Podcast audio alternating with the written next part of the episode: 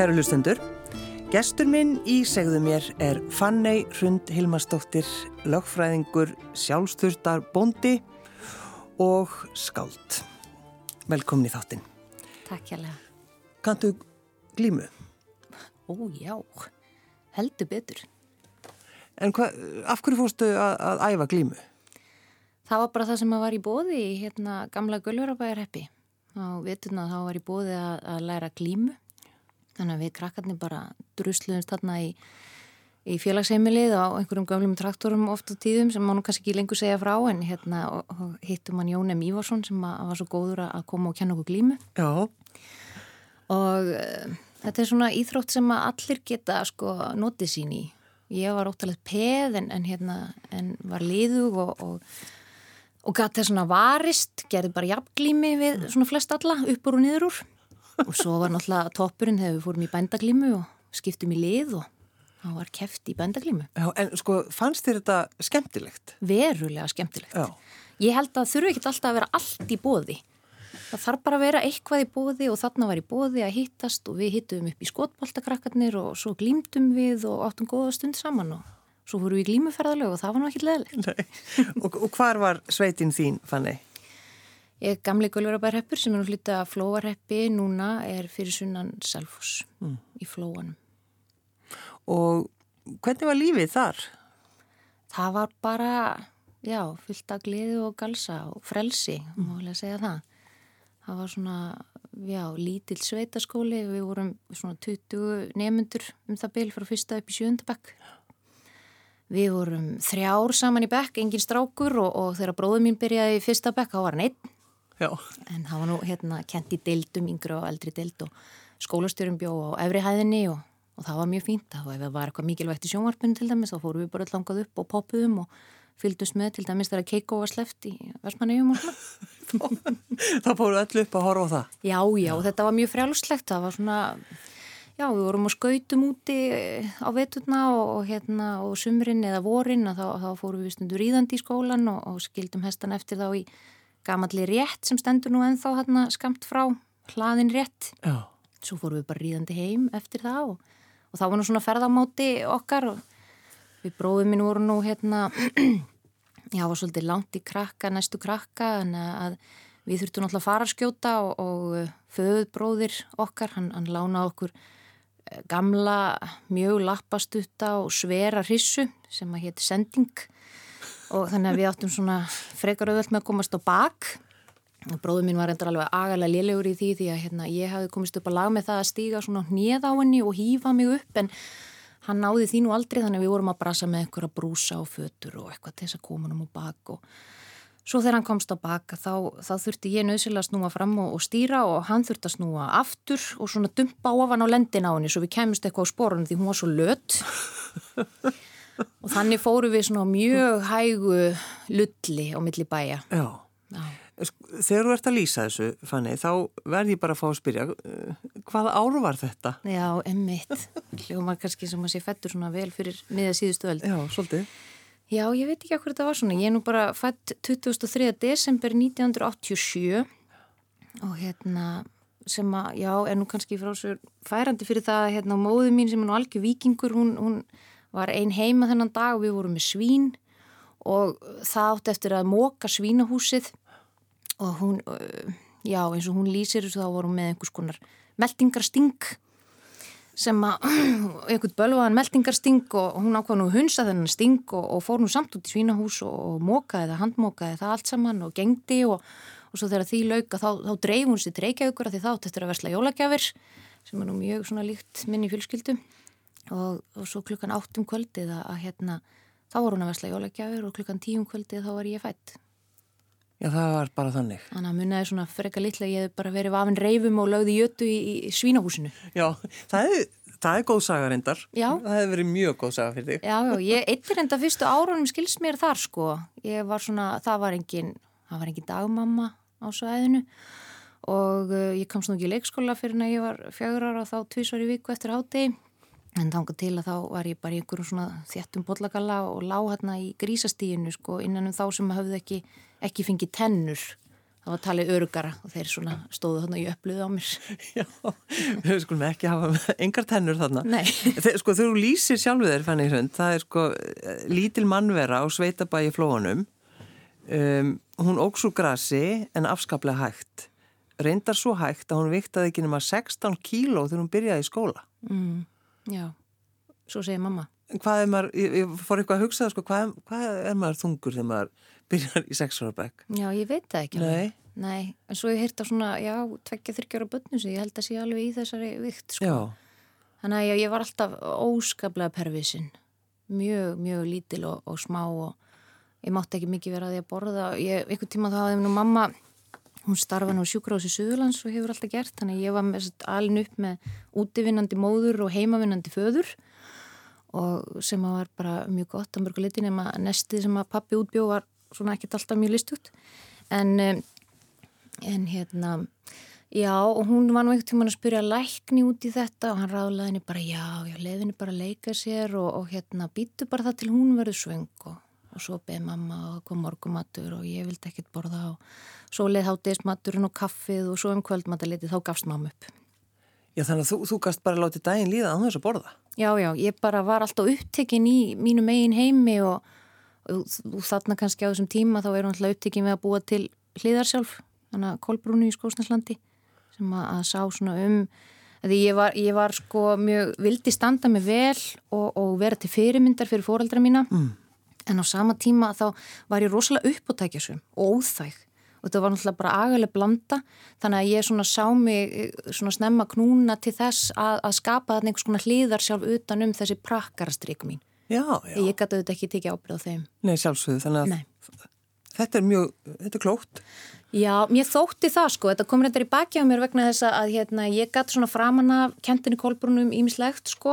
Og hérna þegar hún var að rýfa buksuna mínar, já, að því hún var að renna sinniður þakkið á, á hlöðunni og svona, en, en svo lendi ég boppa þegar að Kolbrun kom og, og átt batterín úr, úr vasareiknum en að mömmu og held nú reyndar ég sloppi þegar ég sagði bara, ég, ég bara réð ekkert við hana, hún, hún bara kom hérna átt þessi batteri og en svo hérna náðum sér niður á mér með því að koma aftur inn í Hamarselu tveimur dögum síðar og kúkaði þeim í koppin minn. Já, jésús. en fann ég, sko, amma þín og mamma, mm. uh, það, það sem þær sögðu við þig, ekki verða eins og við erum, ekki verða skúfuskald. Mm. Já, það er, það er satt. Það er hérna, sögðu það báður við mig á mismandi tímapunkti ekki gera þessi mistu, gerð þú eitthvað við það sem þú skrifar og, og hérna og ég framan á svona kannski já, trúði því ekkit að ég gæti eila orðið rítöfundur, mér fannst það svo framandi. Mm. þessi braut var einhvern veginn bara hulinn en hérna, en, en það er svolítið eins og með annað að allt finnur sér kannski farveg. Og eins og ég segði að það þarf kannski ekki alltaf í bóði, það þarf bara eitthvað eitt að vera í bóði mm. sem er rétt. og í mínu tilfelli að þá var það bara hreinlega þegar ég fór að taka þátt í að, að undirbúa þorrablót heima. Og við fórum að semja leikrit og ég komst að því að ég geti sami texta mm. við, við lög og annað slíkt. Og þá svona fór ég að segja já, kannski er þetta eitthvað sem ég geti gert og, og hérna. Og það hefði áhrifað mig að bæði mamma og amma skildi segja þetta því ég var eiginlega ekki tilbúin til að verða þarna partur af þessari hansögu, verða þriða kynnslógin Já, á skúfuskaldum og amma þín uh, samtiljóð Já Já. Er hún ennað samjáljóð? Eða? Já, hún, hérna, um, hún gerir það ennþá þó að hérna, hún sé nú komið allsamir en uh, þessi hæfileiki hann situr eftir sem og að, að spila á gítar og syngja. Mm. En mamma einn, hvað, hvað er hún að skrifa?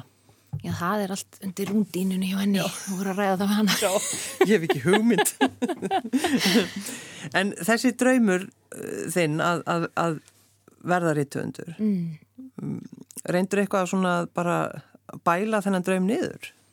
Já, ég ég sko ég reyndar hafið alltaf haft mjög miklu svona sterkar réttlætiskend og uh, var áblíðslega krefjandi bann því að hérna ég krafðist alltaf svara og ég vildi að fóröldra mínu ferðu rauk fyrir uh, máli sínu til dæmis hvers vegna ég ætti ekki jafnan rétt og mamma á að fara í saumaklúb eða í kvemflægið, mér þótti það alveg galið og þannig að hérna síðar lánu leiðin í lögfræðina og hérna sem var mjög, mjög skemmtilegt en, en vissulega já þá ítti ég svolítið þessu til liðara að, að skrifa. Mm.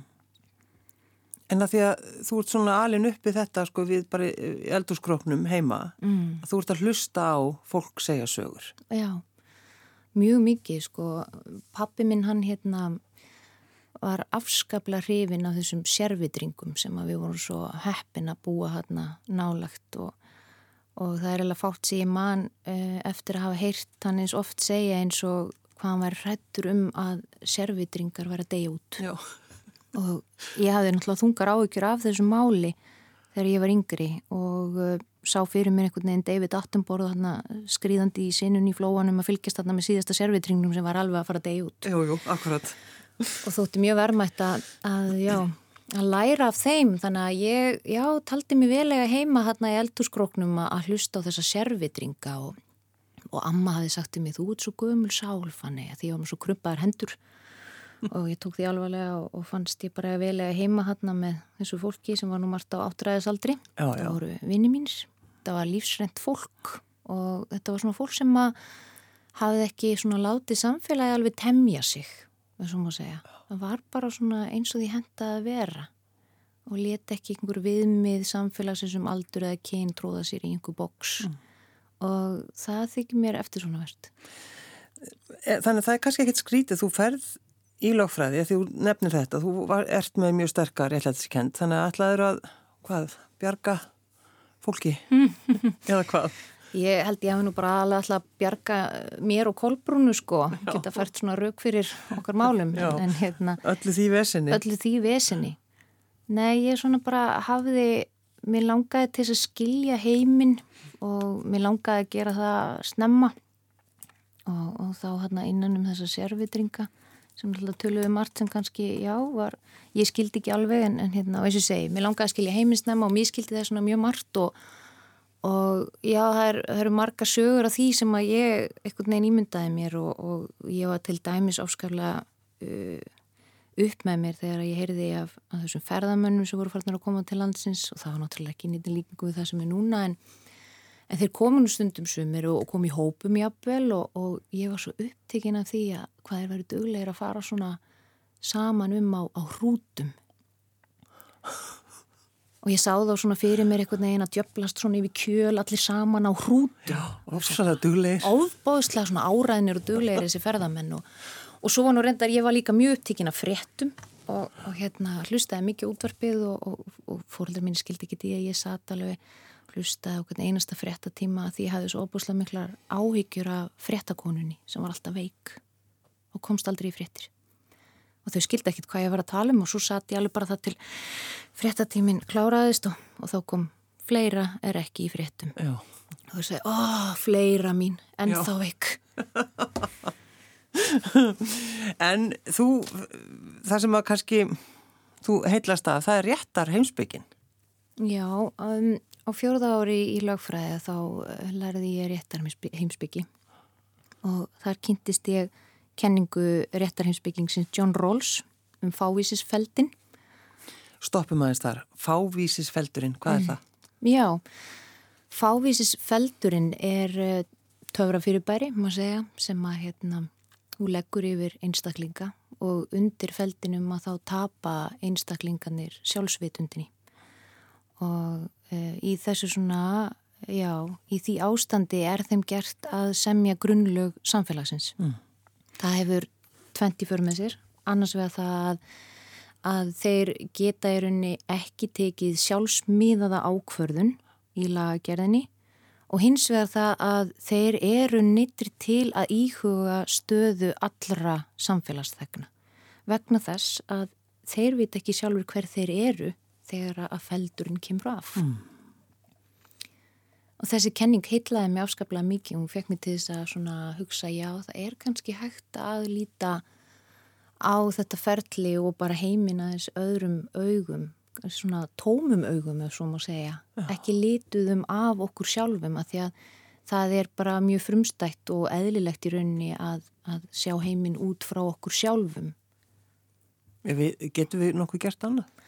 Nei, ekki nema kannski reynd og það var náttúrulega gaggrinni sem að Róls fekk á sig á sínum tíma að jújú jú, þetta væri góð kenning og, og eða fyrirbæri en þetta væri bara utopía og er það aldrei lagt yfir umverulegt samfélag. Mm. og ég var svona ekki alveg sátt við það, mér fannst allavega eins og bóðskapur uh, Róls ætti erindi við fleiri heldur um bara kannski laganema þá sem stúduruður réttarheimsbyggi og þá kannski einna helst svona þyrrt einhvern farvegað svona ómótaðri sálum samfélagsins mm. sem væri móttækilegar og þannig kviknar í raunni hugmynd að ævintýraveröld sem að byggja á þessari kenningu róls. Já, áðun við, við förum þangað eh, segðu okkur frá því bara hvernig var að vinna sem lögfræðingur, fannig. Hvernig fannst þið það? Mér fannst lögfræðin rosalega skemmtileg mjög skemmtileg. Uh, ég var svo heppina þegar ég var þarna líka á fjörða ári. Það var mjög gott ár. Ég kynntist Róls og ég kynntist Ragnar Aðalstensinni og ég kynntist manninu mínum. Já. En alltaf sama ári. Þessi röð. og eh, já, ég hérna, ég þekkti engan lögfræðing og, og engan svona með einhver tengsl, ef svo maður segja og hérna, og ég sagði, já, já, hver nú líklegast til þess að að vilja ráða einhverja bændadóttur sem að þekkir yngan og ég sagði, jú, það er nú kannski Ragnar Aðarsteinsson og, og þannig að hérna, og ég dáðist náttúrulega húnum eins og margir aðeins mm. og ég fekk viðtali húnum og, og lappaði þangað inn og við rættum sveitina og við rættum rosarækt og við rættum uh, þjóðlendumál og réttarheimsbyggi og, og hann réð mér bara þar. Og um, ég var afskaplega stolt af því. Og um, og ég gleymi ég aldrei þegar ég fór skjálfand og beinunum til hans í fyrsta sinn, fyrsta vinnudaginn. Og hann byrjaði strax að bera undir mig á hverju ágrinnismál og spurði hvað myndir þú gera? Og ég hugsaði alveg bara á 100 km ræða og reyndi að vera eitthvað gálega og kom eitthvað nýtt sjónarhóttn og svona. Og hann sagði strax, já, áhugavert, tökum, tökum þetta lengra. Og þannig talaði hann alltaf við mig sem jafningja og, og það er eitthvað sem er mjög eftirsonavert og, og margir svona kannski reyna að tilenga sér en, en Ragnar hefur held ég aldrei þurft að reyna að tilenga sér það. Það er svo satt í honum. Hann bara, það er algjörlega frá einstu hjartarótum að hann lítur á alla sem jafningja sína. Mm. Svona hva, hvaða mál voru það sem að þú varst að taka að þér? Fannig? Já, það var náttúrulega mikið verið að vinni mannreitinda málum en, en við vorum auðvitað líka að svamla en þá í þessu þessum drullupitti eftir bankarhunnið mm. og það voru stór og umfangsmikil mál sem að, að voru erfið. Mm. En fannst þér þetta, fannst þér þetta gaman? Já, mér fannst mjög gaman að starfa, starfa sem lögfræðingur og svo starfa ég sem hýrastónslöfmaður. Um, mér fannst það mjög skemmtilegt en, en þetta er svona, já, um, lögfræðin eða starfa sem lögmar þú mátt svona kannski aldrei láta neitt finna högsta á þér. Þú verður alltaf að standa fyrir þínu og verður að vita hvað þú ert að segja og vera ákveðin. Mhm. -huh. og því fylgir já það var náttúrulega álag og mikið að gera og því fylgir Þú gæst ekki verið með neitt hliðar sjálf þar í þessari vinnu. Nei, það er nú verið ágætt að Kolbrún hefði bara getað mætti í réttarsal. Já, nákvæmlega En um, Ég fann það svona kannski helst þegar ég hætti að, að hérna, það var svolítið gott að endurheimta svona mína einlægni og svo maður segja að geta verið, geta verið gallaður, Já. geta verið briskur. Það var mikið frelsi í því. Þannig að þú starfur ekkert sem lögfræðingur í dag? Nei, ég gerir það ekki. Já, þú varst að nefna fanni manninu þinn, hver er það?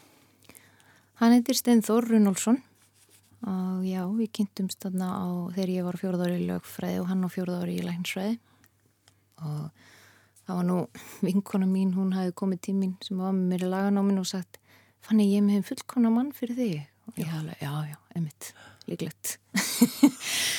Svo skömmu síðar, eitthvað tveimur ykkur síðar að þá hérna kom annar vinnur okkar til mín og sagði fannig ég held ég sem með þeim fullkona mann fyrir þig. Ég veit nú ekki okkur en lág svona rosalega á að koma út en það er ennú saga, en svo komst ég að því að þetta veri sami maðurinn fyrir tilviljun þannig að þá ákvæði nú, jájá, þannig kannski rétt að hitta þennan mann. Og hann alltaf þarna að sækja mig á fyrsta stefnum út eh, heim til, þá bjóð ég hjá ömmu minn og afa í breyðholtinu og hann, hann skröldi þarna á Lúnavíkum og sjálfráða Toyota Hilux í hlað. Og, og hérna það var þá gamli sæðingabílinn frá, frá Avans og alnafna sem var ráðunuttur og, og sæðingamæður og Þessu romantíst er þetta? Þetta var svo fyrir mig, sko, Já. ég hef nú stundum sagt að hann hefur áblíð verið búin að rúnda hann að ringa eftir ringa eftir ringa en að heitlengurar reykjaugur megar, sko, en hérna enginn vilja hoppa upp í gamla riðgaða hælúksin og, og það var ekki fyrir að rampa á eina sveitastúlku sem auðvitað þekkir verðmæti hælúksa. Já, hmm. en sko, hefur þú spurt vinniðina, hvað var það við hann sem að þau sáu? Það myndi smelt passa fyrir hann að fannu sveitastelpuna. Ég, við vorum alltaf bæði mjög upptikinn af, af hestamennsku mm. Mm, þannig að við áttum það samílegt Nei, ég held bara fyrst og fremst að þá hafið þau viljað bara finna handa mér góðan mann mm. og ég hef nú stundum hugsað um það að í mínu uppeldi þá var aldrei talað um það var aldrei talað um að fólk væri á einhverju framabraut eða þessi er að gera svo flotta hluti eða, eða þessi er svo myndarlegur eða neitt svo leiðis en, en ég man eftir tveimur svona orðum sem að voru svona það æðsta sem hægt var að segja um fólk. Og það var annars vegar það að einhverju væri góðmenni og hins vegar einhverju væri skeppnumanniska og ég held að, að það ringi mig enginn þegar ég segi það að hann Steinþór minn er einstatt góðmenni. og þið svona fann eða hrund hafið verið aldrei samtaka í lífinu og þið takja ákvörðin um þetta að bara leggjast í ferðarlög. Já, við gerum það. Það hérna, þessi heimur uh, sem að kviknaði þarna fjórða ári í lögfræðinni svo ímislegt annað, hann hérna var búin að stækka svolítið mikið innra með mér. Já og var svona farin að banka dittnar og, og það til að mér fannst ég bara þurfa að gefa þessu tækifæri.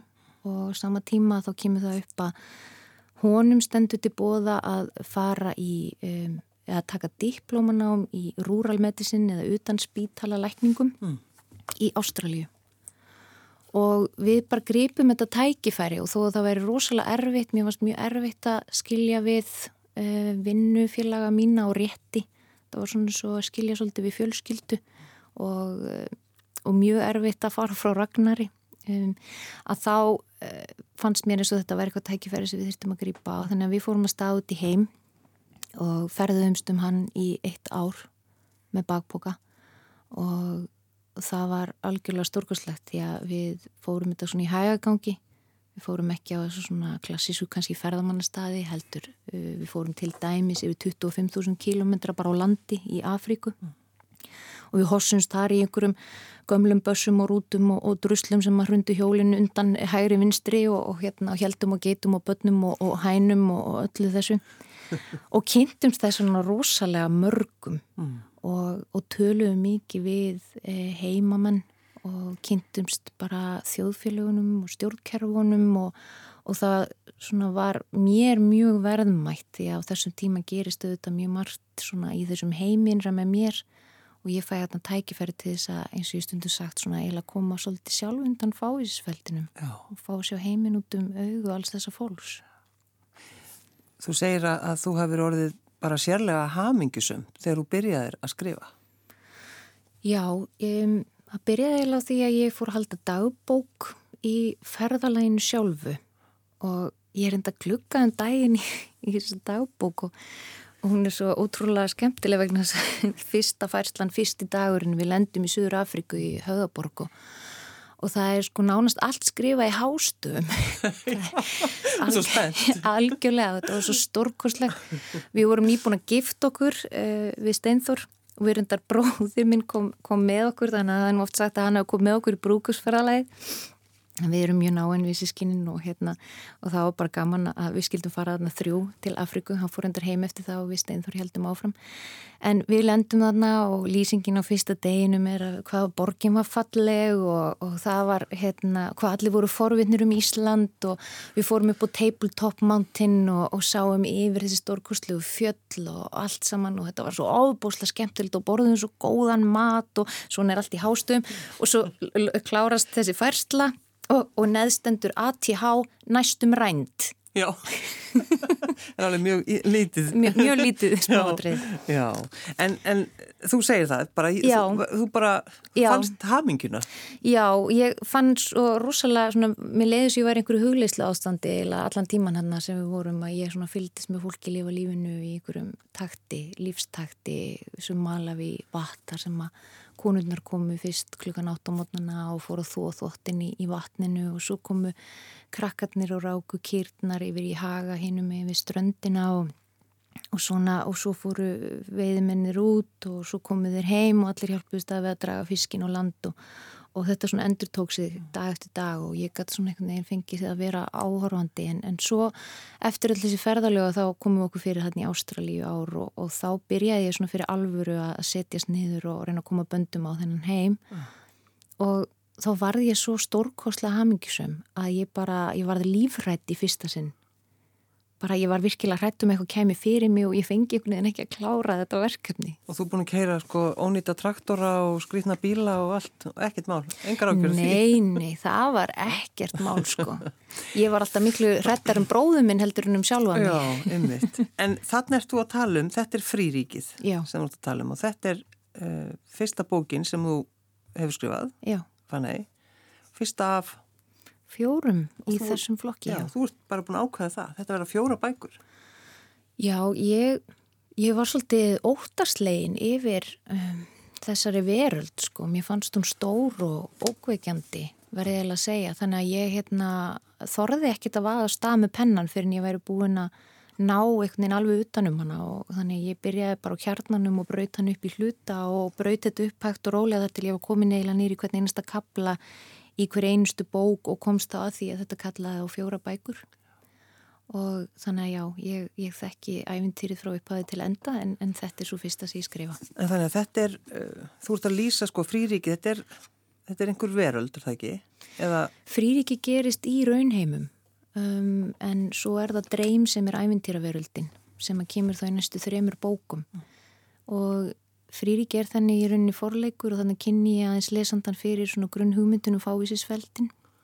Og undir björnundir þetta ferðalagin í þessa æfintir að veröld en, en svo máilega segja þannig endur speklist að vissu leiti svolítið upp eldi mitt og, og svona um, þannig eru sérvitringarnir og og þannig er Allama þessi sem er búin til eða út þessum uh, litrikustu personum í mínu uppeldi sem voru eitthvað neginn alltaf að sjóði bílgrindi eða byggja húsi eða, eða brjóta húsi eða játna hesta eða baka rjómatertur og allt helst á sama tíma. Þannig, hérna, sem bara gerir í sveitinni. Jújú, jú, akkurat. Allama. Já.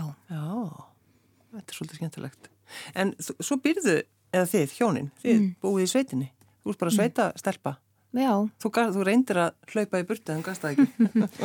Já, ég tók svona eitthvað milli tímabil hérna sem að, nei við uh, tókum það okkur eða fundum það fljótt og okkur langaði til þess að bú í sveit. Mm.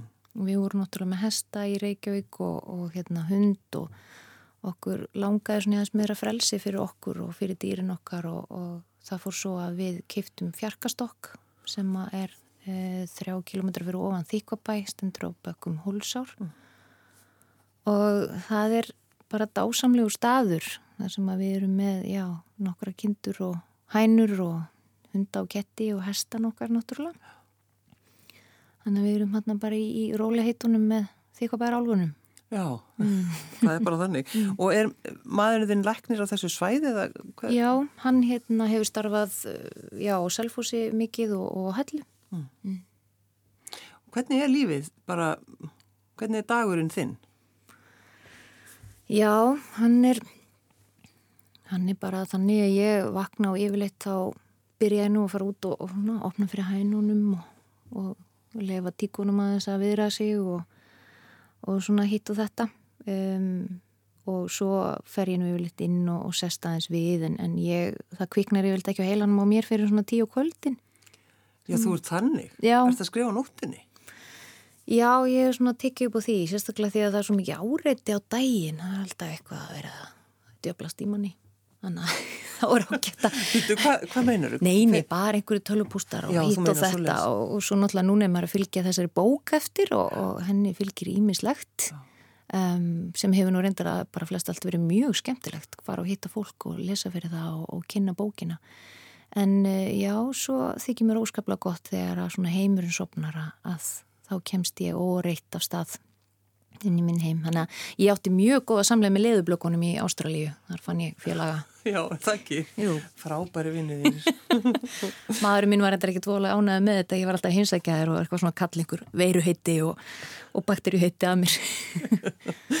en eh, varstu lengi að skrifa þessa fyrstu bók? Mm, ég var náttúrulega eitt og hálft eða tvö ár sko að skipulegja þetta ævintýri. Já, skipilegja heiminn? Já. Auðvitað. Þannig að, en, en ég var mjög fljóta að skrifa svo bókina þegar ég byrjaði að skrifa. En það var kannski líka vegna þess að ég vissi svona, já, nokkur neginn alltaf hvað var að fara að gerast. Þannig að þó maður fylgdi því þetta ekki alveg alltaf, personar auður náttúrulega frekar stórar og, og, hérna, og raunverulegar, þannig að þær tóku stundum sjálfar einhverja aðra stefnu sem ég var þá bara að fylgja. En sko að þú segir það, Fanny, þú ert sko búin að ákveða mm. í rauninni bara allt þetta æventýri. Já, um, sko það, það þarf að ganga upp, ef svo maður segja, frá að til auð mm. og ég vildi geta um, sett inn einhvern svona heildstæðan þráð í gegnum bækurnar allar og, og ég vildi geta sáldrað vísbendingum inn í allt frá fyrstu bók til mm. enda. Um, en það skiptir mér líka máli að geta tekið fyrir, ég er nú ekki að segja að sko það sé allt nýður njörfað því það er auðvitað bara mjög heftandi þegar maður kemst kannski í eitthvað flæði og eins og ég segi persónar stundum ákveða sjálfara að fara einhverja aðra leið þá verður maður bara að fylgja því en, en mér langaði til þess að um, í þessari fyrstu bók að þá er ég svolítið að einbita mér að svona ástin og heimkinunum og þessu samfélagi. Mm. sem að þú ert alveg uppi já, það var rosalega mikil samstaða í þessu litla sveita samfélagi það þurfti ekki að ringja og byggja um aðstóð, þurfti bara að ringja og láta vita eitthvað kom upp og þá kom allir. Mm. og þetta var eiginlega svona eins og svolítið einn stór fjölskylda. Og mér langaði til þess að skila því mér langaði til þess að skila þessari samstöðu og þessu sambandi sem getur uh, myndast á milli yngstu og eldstu kynsla sem ég uppliði svo stert og svo í næstu bóka þá, þá er ég að einbita mér að, að uh, samkendinni og, uh, og svo þrýðu bók náttúrunni. Og svo fjörðu bók þá kem ég eiginlega enda ég þennan ring og kem að sjálfinu. Já, og, og hver er ég að lesa þessa bók? Bara allir En þetta er, er þetta ekki þetta er barna, eða semst ungmenna, hvað, þetta er, þetta er alltaf sett í einhverja flokka, það Já. er svo erfitt sko Já, ég get sagt þér það að það gengur eiginlega ekkert að flokka þessa bók. Hún vissilega gefin út af bókabitinu sem einbytti sér að batna úlinga og ungmennabókum og Já, gerir það afskaplega vel. En, uh, og það var nú hérna, ég kynntist henni Guðrunuláru Pétursdóttur sem starfa við Rittstjórn áður en ég fór með handrið til útgefanda og hún hefur stutt mig alveg óbúslega vel í þessu ferli öllu og er mér mjög dýrmætt og hún benti mér á bókabituna svo ég fór þangað og, og hérna Og jú, þar var svona álíkt að þetta væri bók fyrir kannski svona, já, 10, 11, 12, 13, eitthvað þar á bílinu en, en, en vandin er sá að, að það er mjög erfitt að skilgrina og ég held að þetta sé fjölskyldubók og, og vonir mín að standa til þess að, að kynsluðurna geti lesið hana saman. Erstu búin að fara í sveitina þín og lesa fyrir fólk? Já, já, ég hef verið að lesa tölur til kvennfélögin, það er alltaf skemmtilegt, ég hef lóksins komist ángað Já, það er margra ára baróttu. Já, þannig að þú var svo reið þannig um árið. já, og svona hingað og þangað, já, já, já, já. Það er mjög skemmtilegt og, og hefur verið rúsalega gaman bara að það hefur bara allir verið svo velviljaður og opnir og, og, hérna, og tekið okkur fyrir ríkinu svo vel. Mér þykir rúsalega vænt um það. Mjög. Fanni Hrund Hilmarsdóttir lagfræðingur, sjálfstörsta bóndi og skald. Þetta er meiri tillanir. Takk fyrir að koma. Takk hjálpa fyrir mig.